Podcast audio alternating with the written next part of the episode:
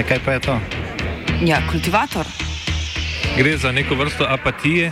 To lahko reče samo kreten, noben drug. Socialni invalid in ga je ne mogoče urejati. Drugi kandidat. Pa, eh, pa pije, kadi, masturbira, vse kako hoče lahko počne. Nihče tega ne ve. Vsak petek skultiviramo dogodek tedna. Lahko po kriterijih radio študent, težko pa po evropskih kriterijih. Ampak na drug način, kot vi to mislite. Kultivator vedno užge. da pač nekdo sploh omenja probleme, ki so in da pravzaprav sploh nekdo sproži dogajanje uh, v družbi. To drži, drži. Promet eh, z mestnimi avtobusi se je zaradi neznosne gneče praktično vsak dan, da v petkih ne govorimo, absolutno poslabšal v katastrofalno razmerje. Imela sem več slabih izkušenj, ko bi morala priti od točke A do točke B in sem uh, silovito zamujala zaradi te gneče, ki je ob sončnem dnevu nerazumljiva. Če sneži, če so nevihte, če so poplave, je razumljivo. Ampak v sončnem dnevu sploh mi ni jasno. O, je bila tako gužva, o, tako skoraj zmer je gužva. O, velikrat so tudi avtobusi zdaj nabasani, tako pač o, ta šestka kle je velikrat zelo pogosto. Pa tako večinoma polka se šole konča, tako da In je bilo od drame do malo več kot astre. Koliko časa si se vozila? Um, v bistvu nisem se skozi vozila, zato ker sem pol šla meni se na Ajdovščini dol, ampak že od drame do Ajdovščine je bilo ne vem, ene 15-20 minut. No, moj primer je bil, jaz sem eh, 45 minut čakala pri gospodarskem razstavišču. Bil je petek sicer, ampak bil je sončen dan, 45 minut.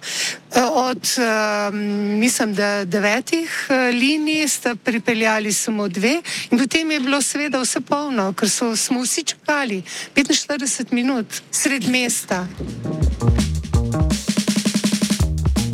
Pozdravljeni v današnjem kultivatorju. Za začetek smo slišali, kaj o ljubljanskem prometu in o ljubljanski gužvi menijo občanke in občani. Namreč danes bomo z Galom in Martinom skušali razvozlati ne gordijski, ampak ljubljanski prometni vozel. Uh, Vse veste, kako gre, človek se nekako v prometu zatakne, um, avtobusi zamujajo ali pa so zatekljivi, taksiji se prav tako nikamor ne premaknejo. Uh, konc koncev človek hoče si izbrati tam en bicikl, pa jih pač v teh določenih hotspotih zmanjka in potem se peš huduje.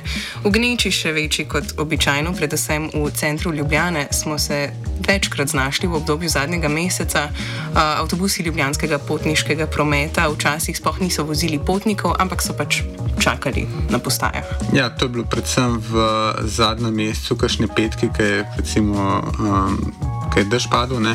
Jaz sem se pogovarjal recimo, uh, s temi uh, ljudmi na postaji na Bavarskem dvoru. Uh, ta zadnja gospa, s katero sem se pogovarjal, mi je povedala tudi, da je klicala na, na LPP, ker je mislila, da mogoče kakšna prometna nesreča. Uh, rekli so, da je oboje poklicali nazaj, pa je nisem.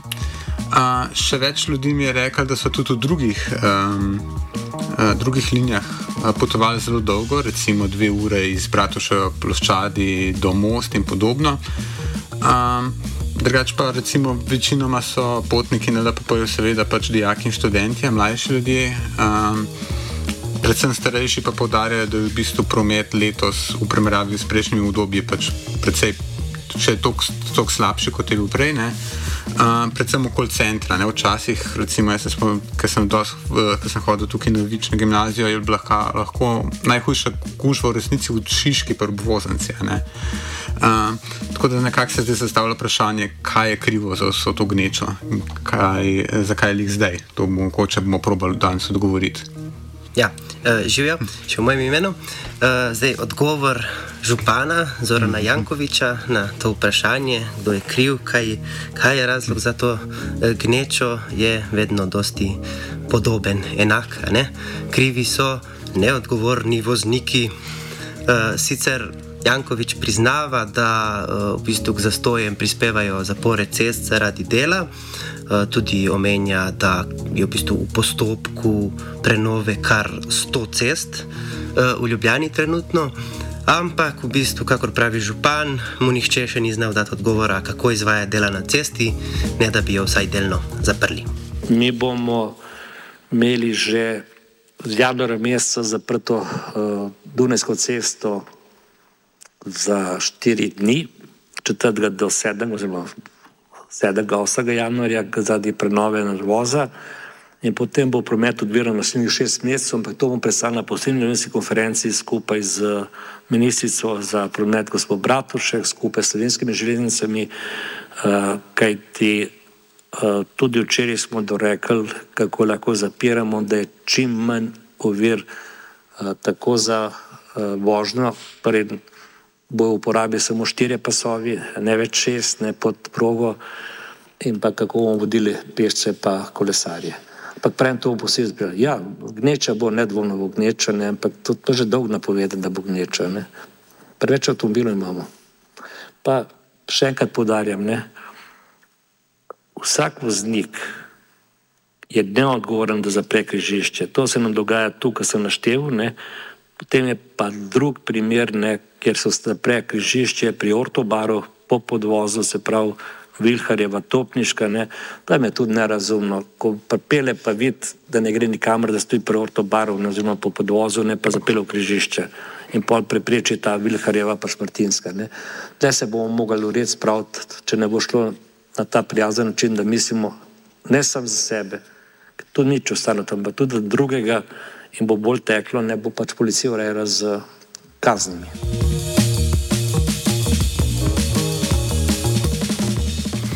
No, Jankovič je seveda v prvovrstnem eh, manevru eh, njegove večne predvolilne kampanje vzel stvari tudi v svoje roke in eh, pred križiščem Dunajske ceste z Masarikovo promet eh, en dan ali pa en, en, en trenutek usmerjal kar sam, ne? kakor ste že povsod slišali. Eh, no, potem pa se je Jankovič sestal s policijo, redari in LPP-jem, oziroma predstavniki LPP-ja, torej eh, potniškega prometa, in se dogovoril za ukrepe. Očitno je bil ta uh, moj uh, pristop, da me videl voznik avtobusa uh, pravi, ne, ker je povzročil reakcijo in sicer dvoje. Prvič smo se mi v okviru LPP-ja pogovorili z vsemi vozniki, z sindikatom voznikov, z direktorjem, ne, da enostavno križišča ne smemo zapirati. Jaz razumem, da so v problemih, da ostane pol še dve, pa tri, ne, semaforje na istem mestu, ampak to ne da upravičilo zabuditi, čeprav se pol potniki pritožujejo. Je pa dejstvo, da je ravno včeraj bil sestank pri nas na našem oddelku prisotnosti eh, OGDP-ja, eh, kolegica Maja Žitin vodi, eh, potem LPP-ja, eh, našega redarstva in policije in dogovor je naslednji. Da bojo na križiščih pri interkontinentalu, da ne bom zdaj naštel vse ceste, Tivolsko, Trgo Efne, eh, Dunajsko pa Slovensko, v špicah stali policisti. Na drugi strani na Aškrčevi, se pravi Slovenska Aškrčeva oziroma Cojzova, in pol Barjanka bojo skupna uh, patrulja policista in redarja, ki bojo spremenili promet na teh dveh uh, križiščih, kjer pa vozi samo javni prevoz, govorim uh, Šubičeva uh, slovenska in pa Dalmatina slovenska, bo pa sam LPP urejal. Se pravi, imajo nalog, da ne sme zapreti križišče, ker enostavno vidi, kaj se dogaja pred njim v očaku. Da, to je ta poskus da enostavno eh, to uredimo. Se pravi, niso krivi samo neodgovorni vozniki avtomobilov, ki so seveda vedno isti vozniki avtomobilov, samo zdaj so, glede na to, da je promet poslabšan, še bolj neodgovorni. Ne? Uh, ampak so krivi tudi vozniki avtobusov. Ja, mislim, glede na to, da en avtobus pripelje več, mnogo več ljudi, kakor 10, 20 ali 30 avtomobilov, bi jaz na to gledal malo drugače, ne? da pač preprosto na individualne voznike lahko župan zvrača krivdo, ampak težko pač karkoli jim kaže, jih, ne, razen pač prek policije, pa to ni zares njegova pristojnost. E, drugače pa je z LPP-jem, katerega vozniki so, kot je povedal sam župan, dobili nalog. Ne? In o tem sem govoril tudi z direktorjem eh, Ljubljanskega potniškega prometa, Petrom Horvatom. Ki se v bistvu z Jankovičem strinja. Ne? Treba je samo upoštevati cestno-prometne predpise, pa ne bo problemov.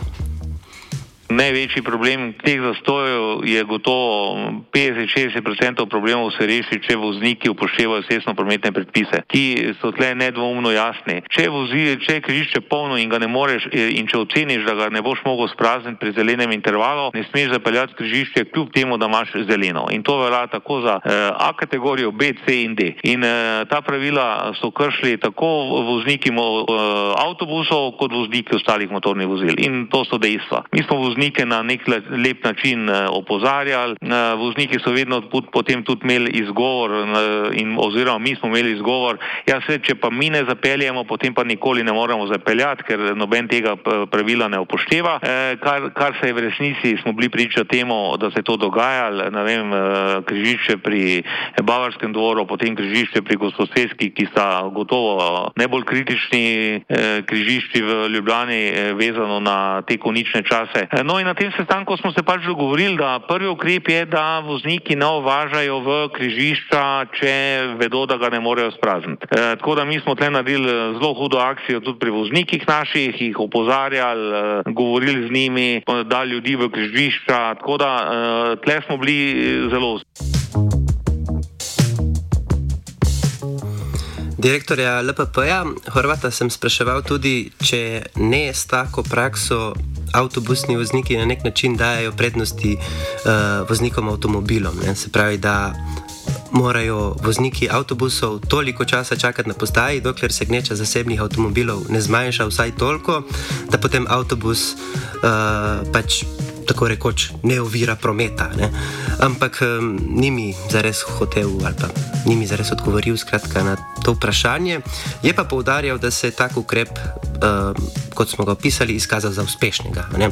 In trdi tudi, da zdaj ni več takih zastojev, kot so bili še teden ali dva nazaj nismo več priča tem zastojem. Obenem je naredila ogromno tudi policija. Ne. E, policija je praktično v tem tednu e, vsak popoldan zagotovila kakšnega človeka, da je pomagal, e, da ne govorimo o mestnem redarstvu, ki se je res, kljub temu, da imajo vsi hudo pomankanje zaposlenih, res potrudilo in dalo, in dalo na razpolago ljudi, ki so bili v križiščih, pred križišči in urejali promet. Tako da mi v tem tednu, sredo je bilo mal, mogoče mal slabše, drugače pa v torek, v včeraj in tudi danes verjamem, da bo potekalo eh, normalno. In eh, mi, na primer, zdaj nismo beležili tudi eh, zamud na naših linijah, prej pa ne vem, se je dogajalo, da so avtobusi stali po 30-40 minut na slovenski cesti.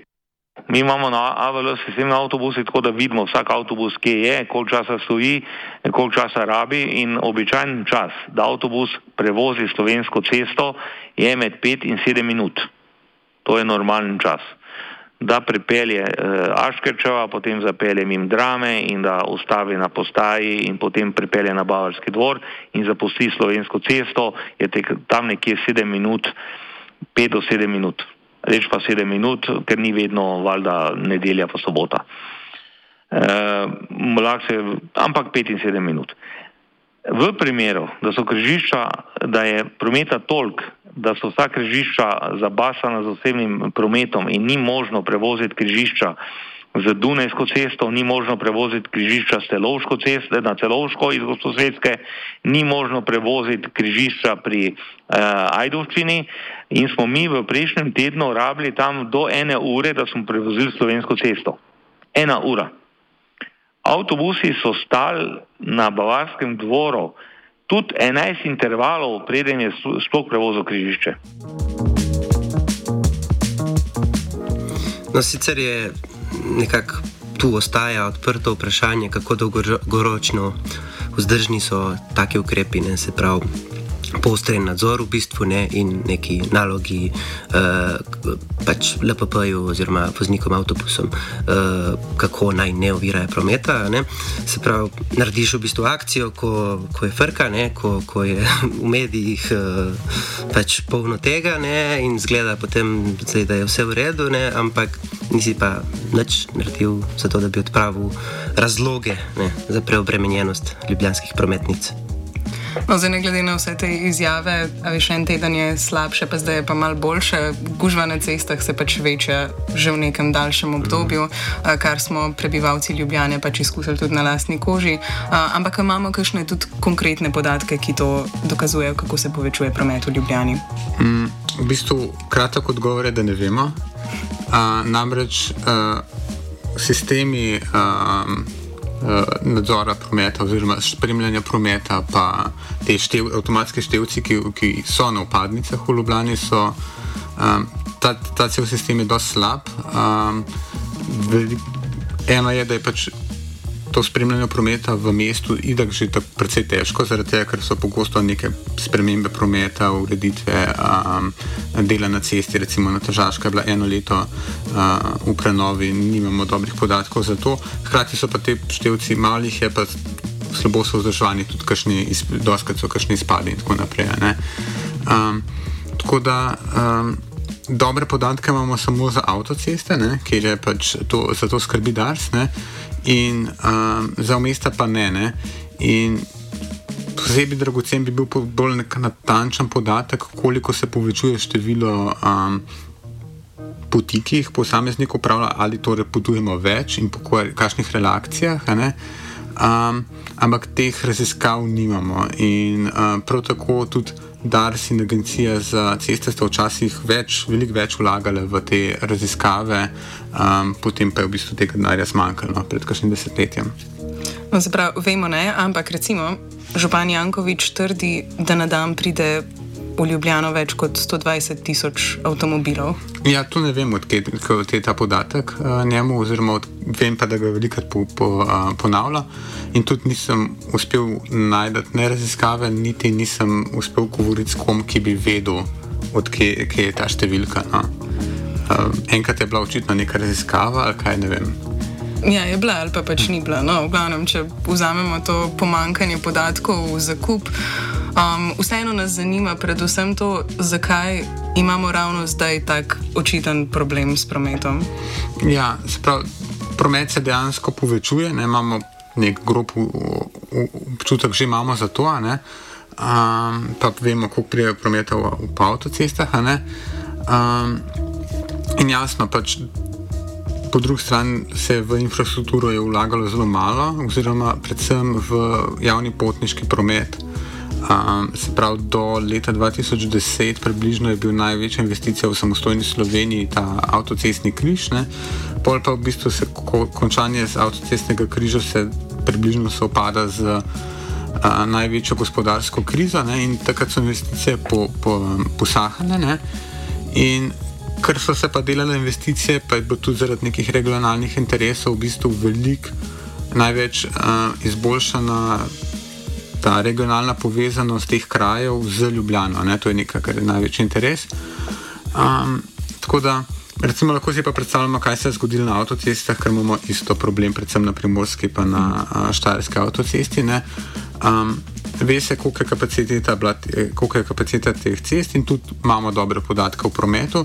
In v bistvu je bilo napovedano in pričakovano, da bo a, da bomo malo prišli, da bomo v nekem tem obdobju prišli do nekega velikega problema a, na teh upadnicah, ker se ve, kaj se zgodi, ko enkrat pač, prene, a, pride do kapacitete v bistvu prometa. Ne? In za, mest, za mesta lahko v resnici rečemo, da se je zgodilo z nekaj zelo podobnega. Ne? Se pravi, ta sistem, kako pač avtomobili potujejo pa, po, po, po cestah, pa kako se to zgosti, ni linearen. Ne? Se pravi, do neke do kapacitet ceste nekako promet teče, potem pa že neko manjše povečanje prometa za nekaj odstotkov povzroči zastoje in s tem drastično daljši potovalni čas. In že pred leti, recimo kakšnimi petimi leti, si lahko vedel, da bližamo temu, v bistvu, kot sem jaz govoril z nekimi ljudmi, ki se s tem ukvarjajo, pač so mnenja, da je v resnici epidemija koronavirusa vse skupaj nekoliko zamaknjena.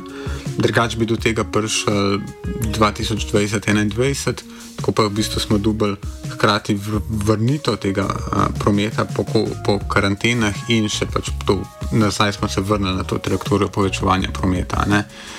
Um, zdaj, veliko se omenja tudi te prenove, ne, ki, ki jih je trenutno v Ljubljani dejansko kar precej. Ne. Glavna je ta Ižanska cesta, ne, ki prenese promet iz, um, iz Barja. Ne. Kar je določen nek faktor, ampak ne prevladujoč razlog. Ne. V bistvu, ker imamo, imamo en sistem, ki je nekako bil na robu, ne, in potem neke take manjše motne um, v bistvu zamenjajo um, princip, v katerem funkcionira in pač v bistvu dobimo nek zastoj, ne? oziroma pač zastoj po, po celem nekem um, segmentu ceste. Ne? In alternative, to pa je pač nek integriran potniški promet, kombinacija železnic in avtobusov, se pa zdaj ni zgodila. Ne? Imamo pa pač presega naš uh, potrebe po, po, po mobilnosti, pa presegajo v bistvu infrastrukturo.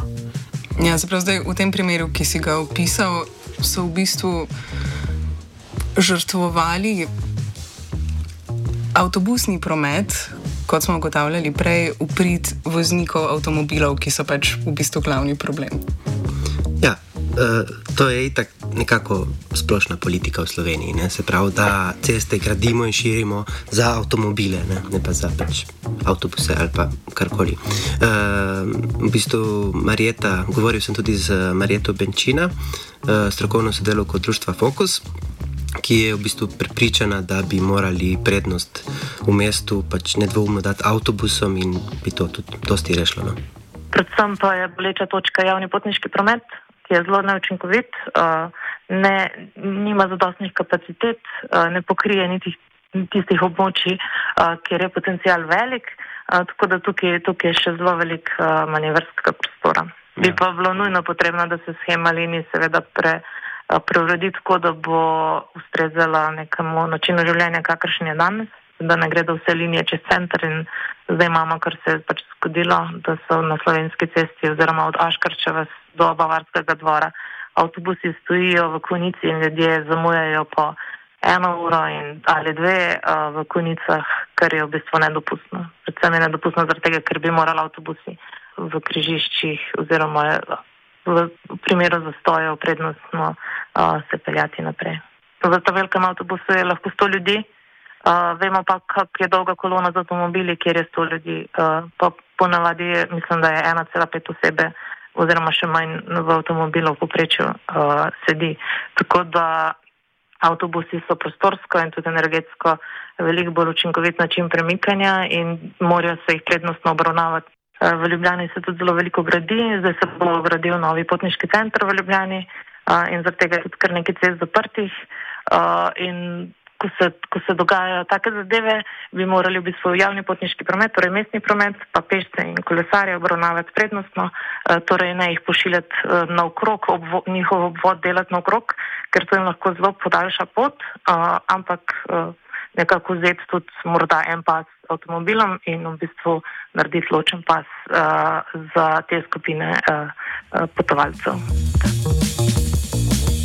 Ampak še zmeraj si nismo odgovorili, zakaj je ravno zdaj toliko več avtomobilov v Ljubljani. Zdaj najbrž ne moremo kriviti teh voznikov, tako kot kakšen župan to počne.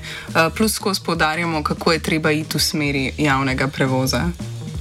Ja, uh, sogovornica mi je risala malo širšo sliko. Torej, m, en dejavnik, to je že nekako prej nakazal Gal tudi, ne, je v tem, da širimo, širijo avtoceste okoli Ljubljane. Ne. Ravno konec zdaj mesec, dva, konec septembra, uh, so na Darsu zaključili s širitvijo severne oziroma severovzhodne ljubljanske obvoznice. In zdaj preprosto povedano, ne, če lahko več avtomobilov naenkrat pride v Ljubljano, pomeni, da je tudi več avtomobilov naenkrat na ljubljanskih cestah. Ko mi razširimo kapaciteto cest, eh, če razširimo kapaciteto cest za 10%, se bo, eh, bomo za 10% povečali promet. Ampak to ne bo prejšnji promet, ampak bo 10% dodatnega prometa. Temu rečemo spodbojen promet.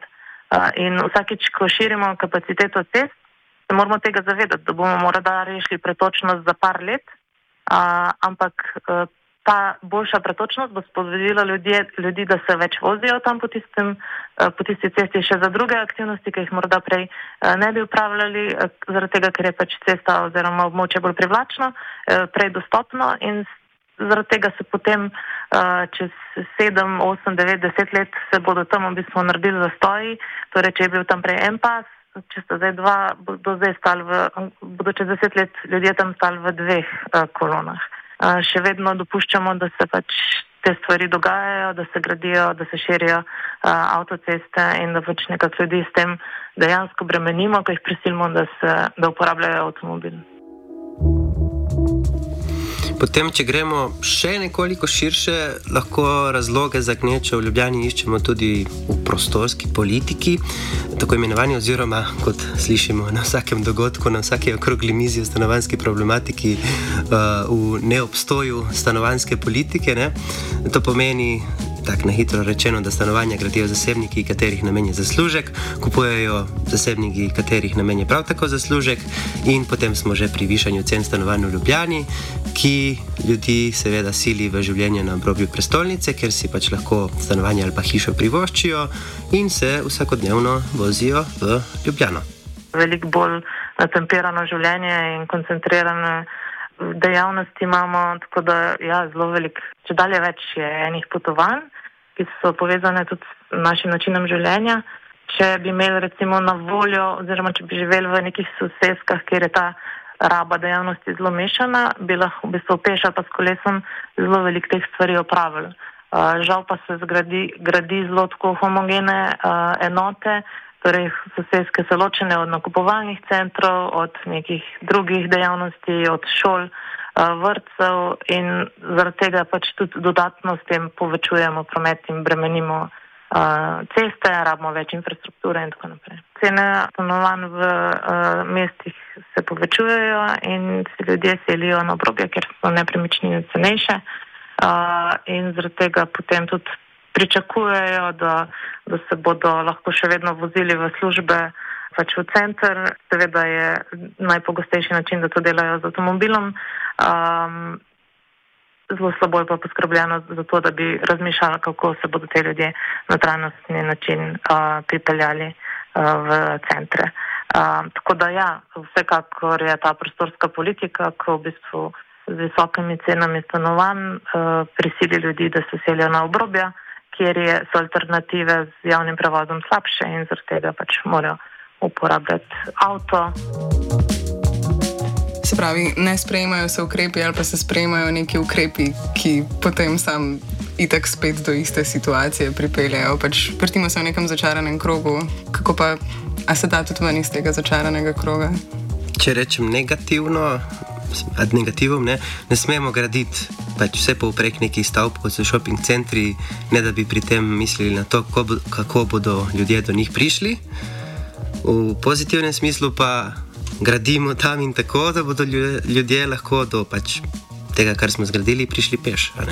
Promet uh, se povečuje, ne samo v Ljubljani, posod. V bistvu ljudje upravljamo veliko več pot, potovanj na dan, kot smo jih včasih. Uh, predvsem ras, raste število potovanj, ki jih upravimo v prostem času.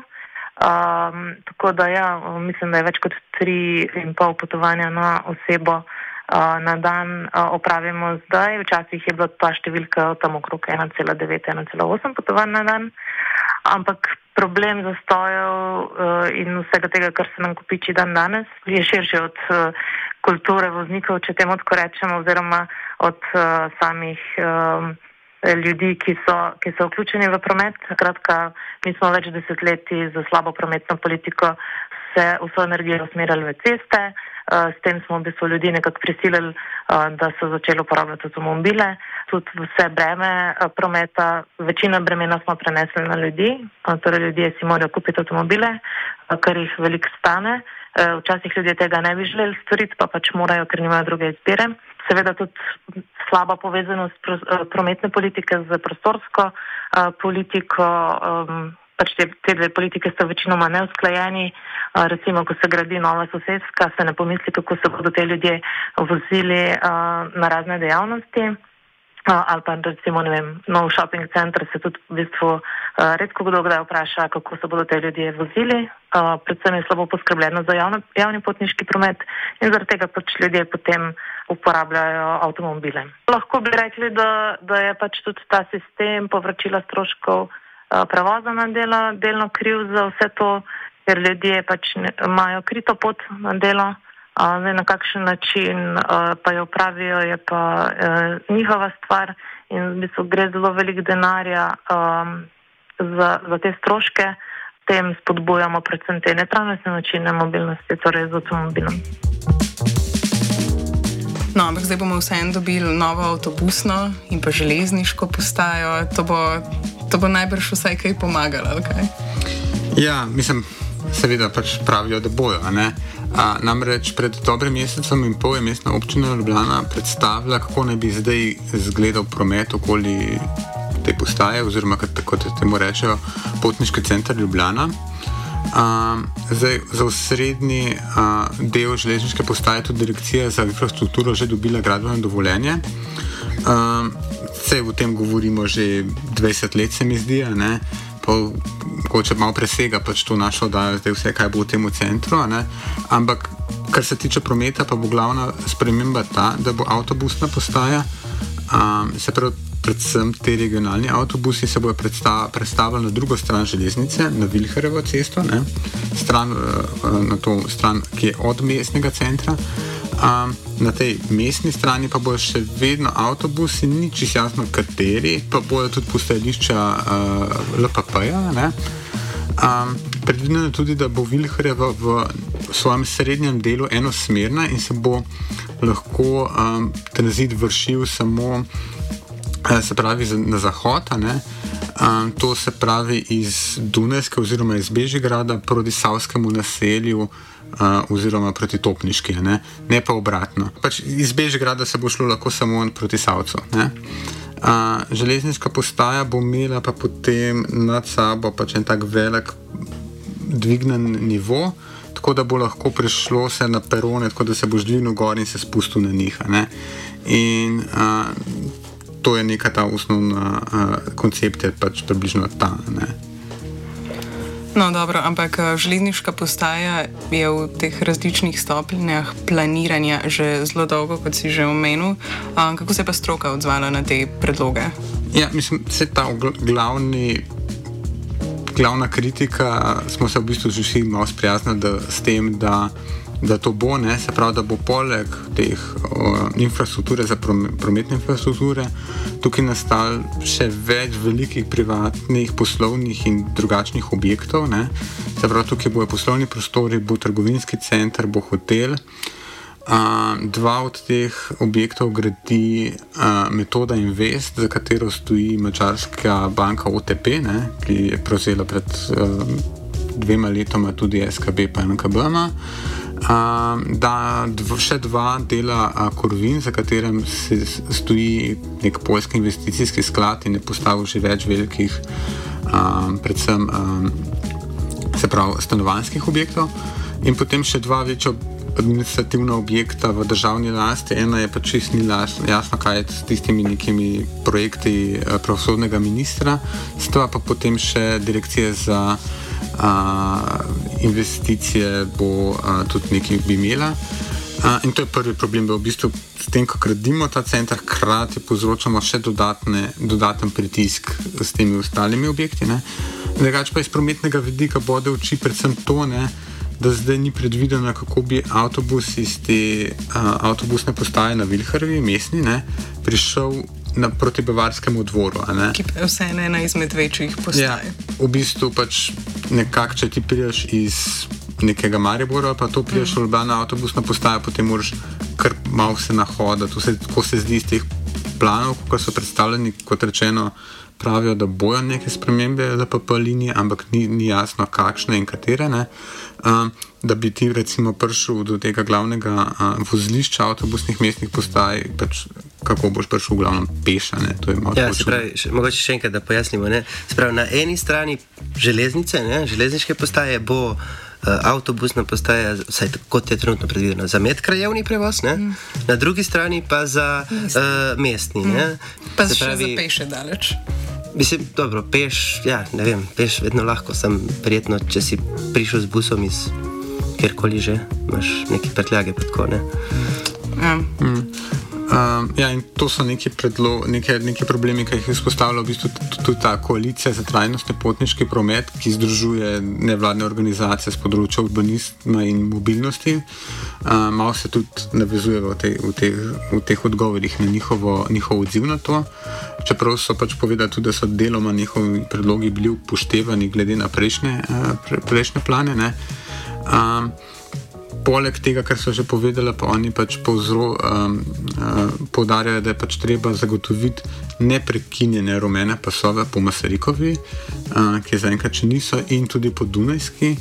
Uh, hkrati pa pač poudarjajo še to, da, pač, mislim, da je treba ohraniti tudi to zelenje, ki je zaenkrat še tukaj, no, da se pač to ne umakne. Ne.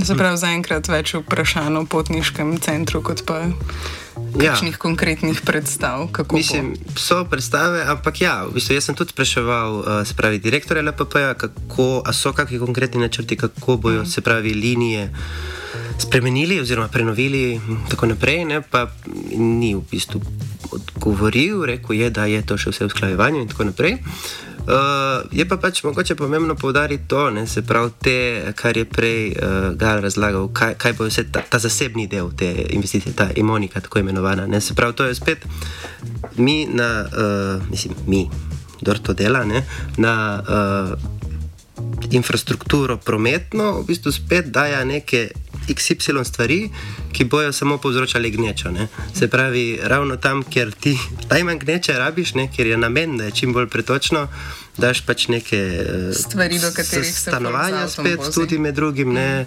uh, ki verjetno ne bojo lih poceni, glede na lokacijo ne? in investitorja. Pa kaj smo rekli, še shopping center, spet in tako naprej. In Hotel, tako naprej ne? ja. Hotel in tako naprej. Skratka, spet neke stvari, ki povečujejo zamaške. Ne? Mislim, ja. No, ta potniški center se nam obeta, ampak kaj bomo pa do takrat? A bomo imeli zdaj policiste v vseh križiščih, a bomo imeli Jankoviča v vsakem križišču, kako bo to izgledalo? Ja, um, ne. Um, se pravi, zdaj uh, prva stvar, ki nas čaka na tem, na tem koncu Ljubljana, je um, že takoj po novem letu se bo začela prenavljati ta nadvoz nad Dunajsko železniški, uh, kjer se bo. Um, Tukaj se bo razširilo, da njim namesto štirih železniških tirov bo, jih bo šest. Uh, to bo trajalo pol leta in od 4. do 8. januarja bo uh, Dunajska cesta na tem delu popolnoma zaprta in potem bo močno moten promet še naslednje pol leta. Tako da, uh, kot je Jankovič povedal na svoji novinarski konferenci, bo promet grozen. Super. Kultivirali smo Gal, Martin in Sara.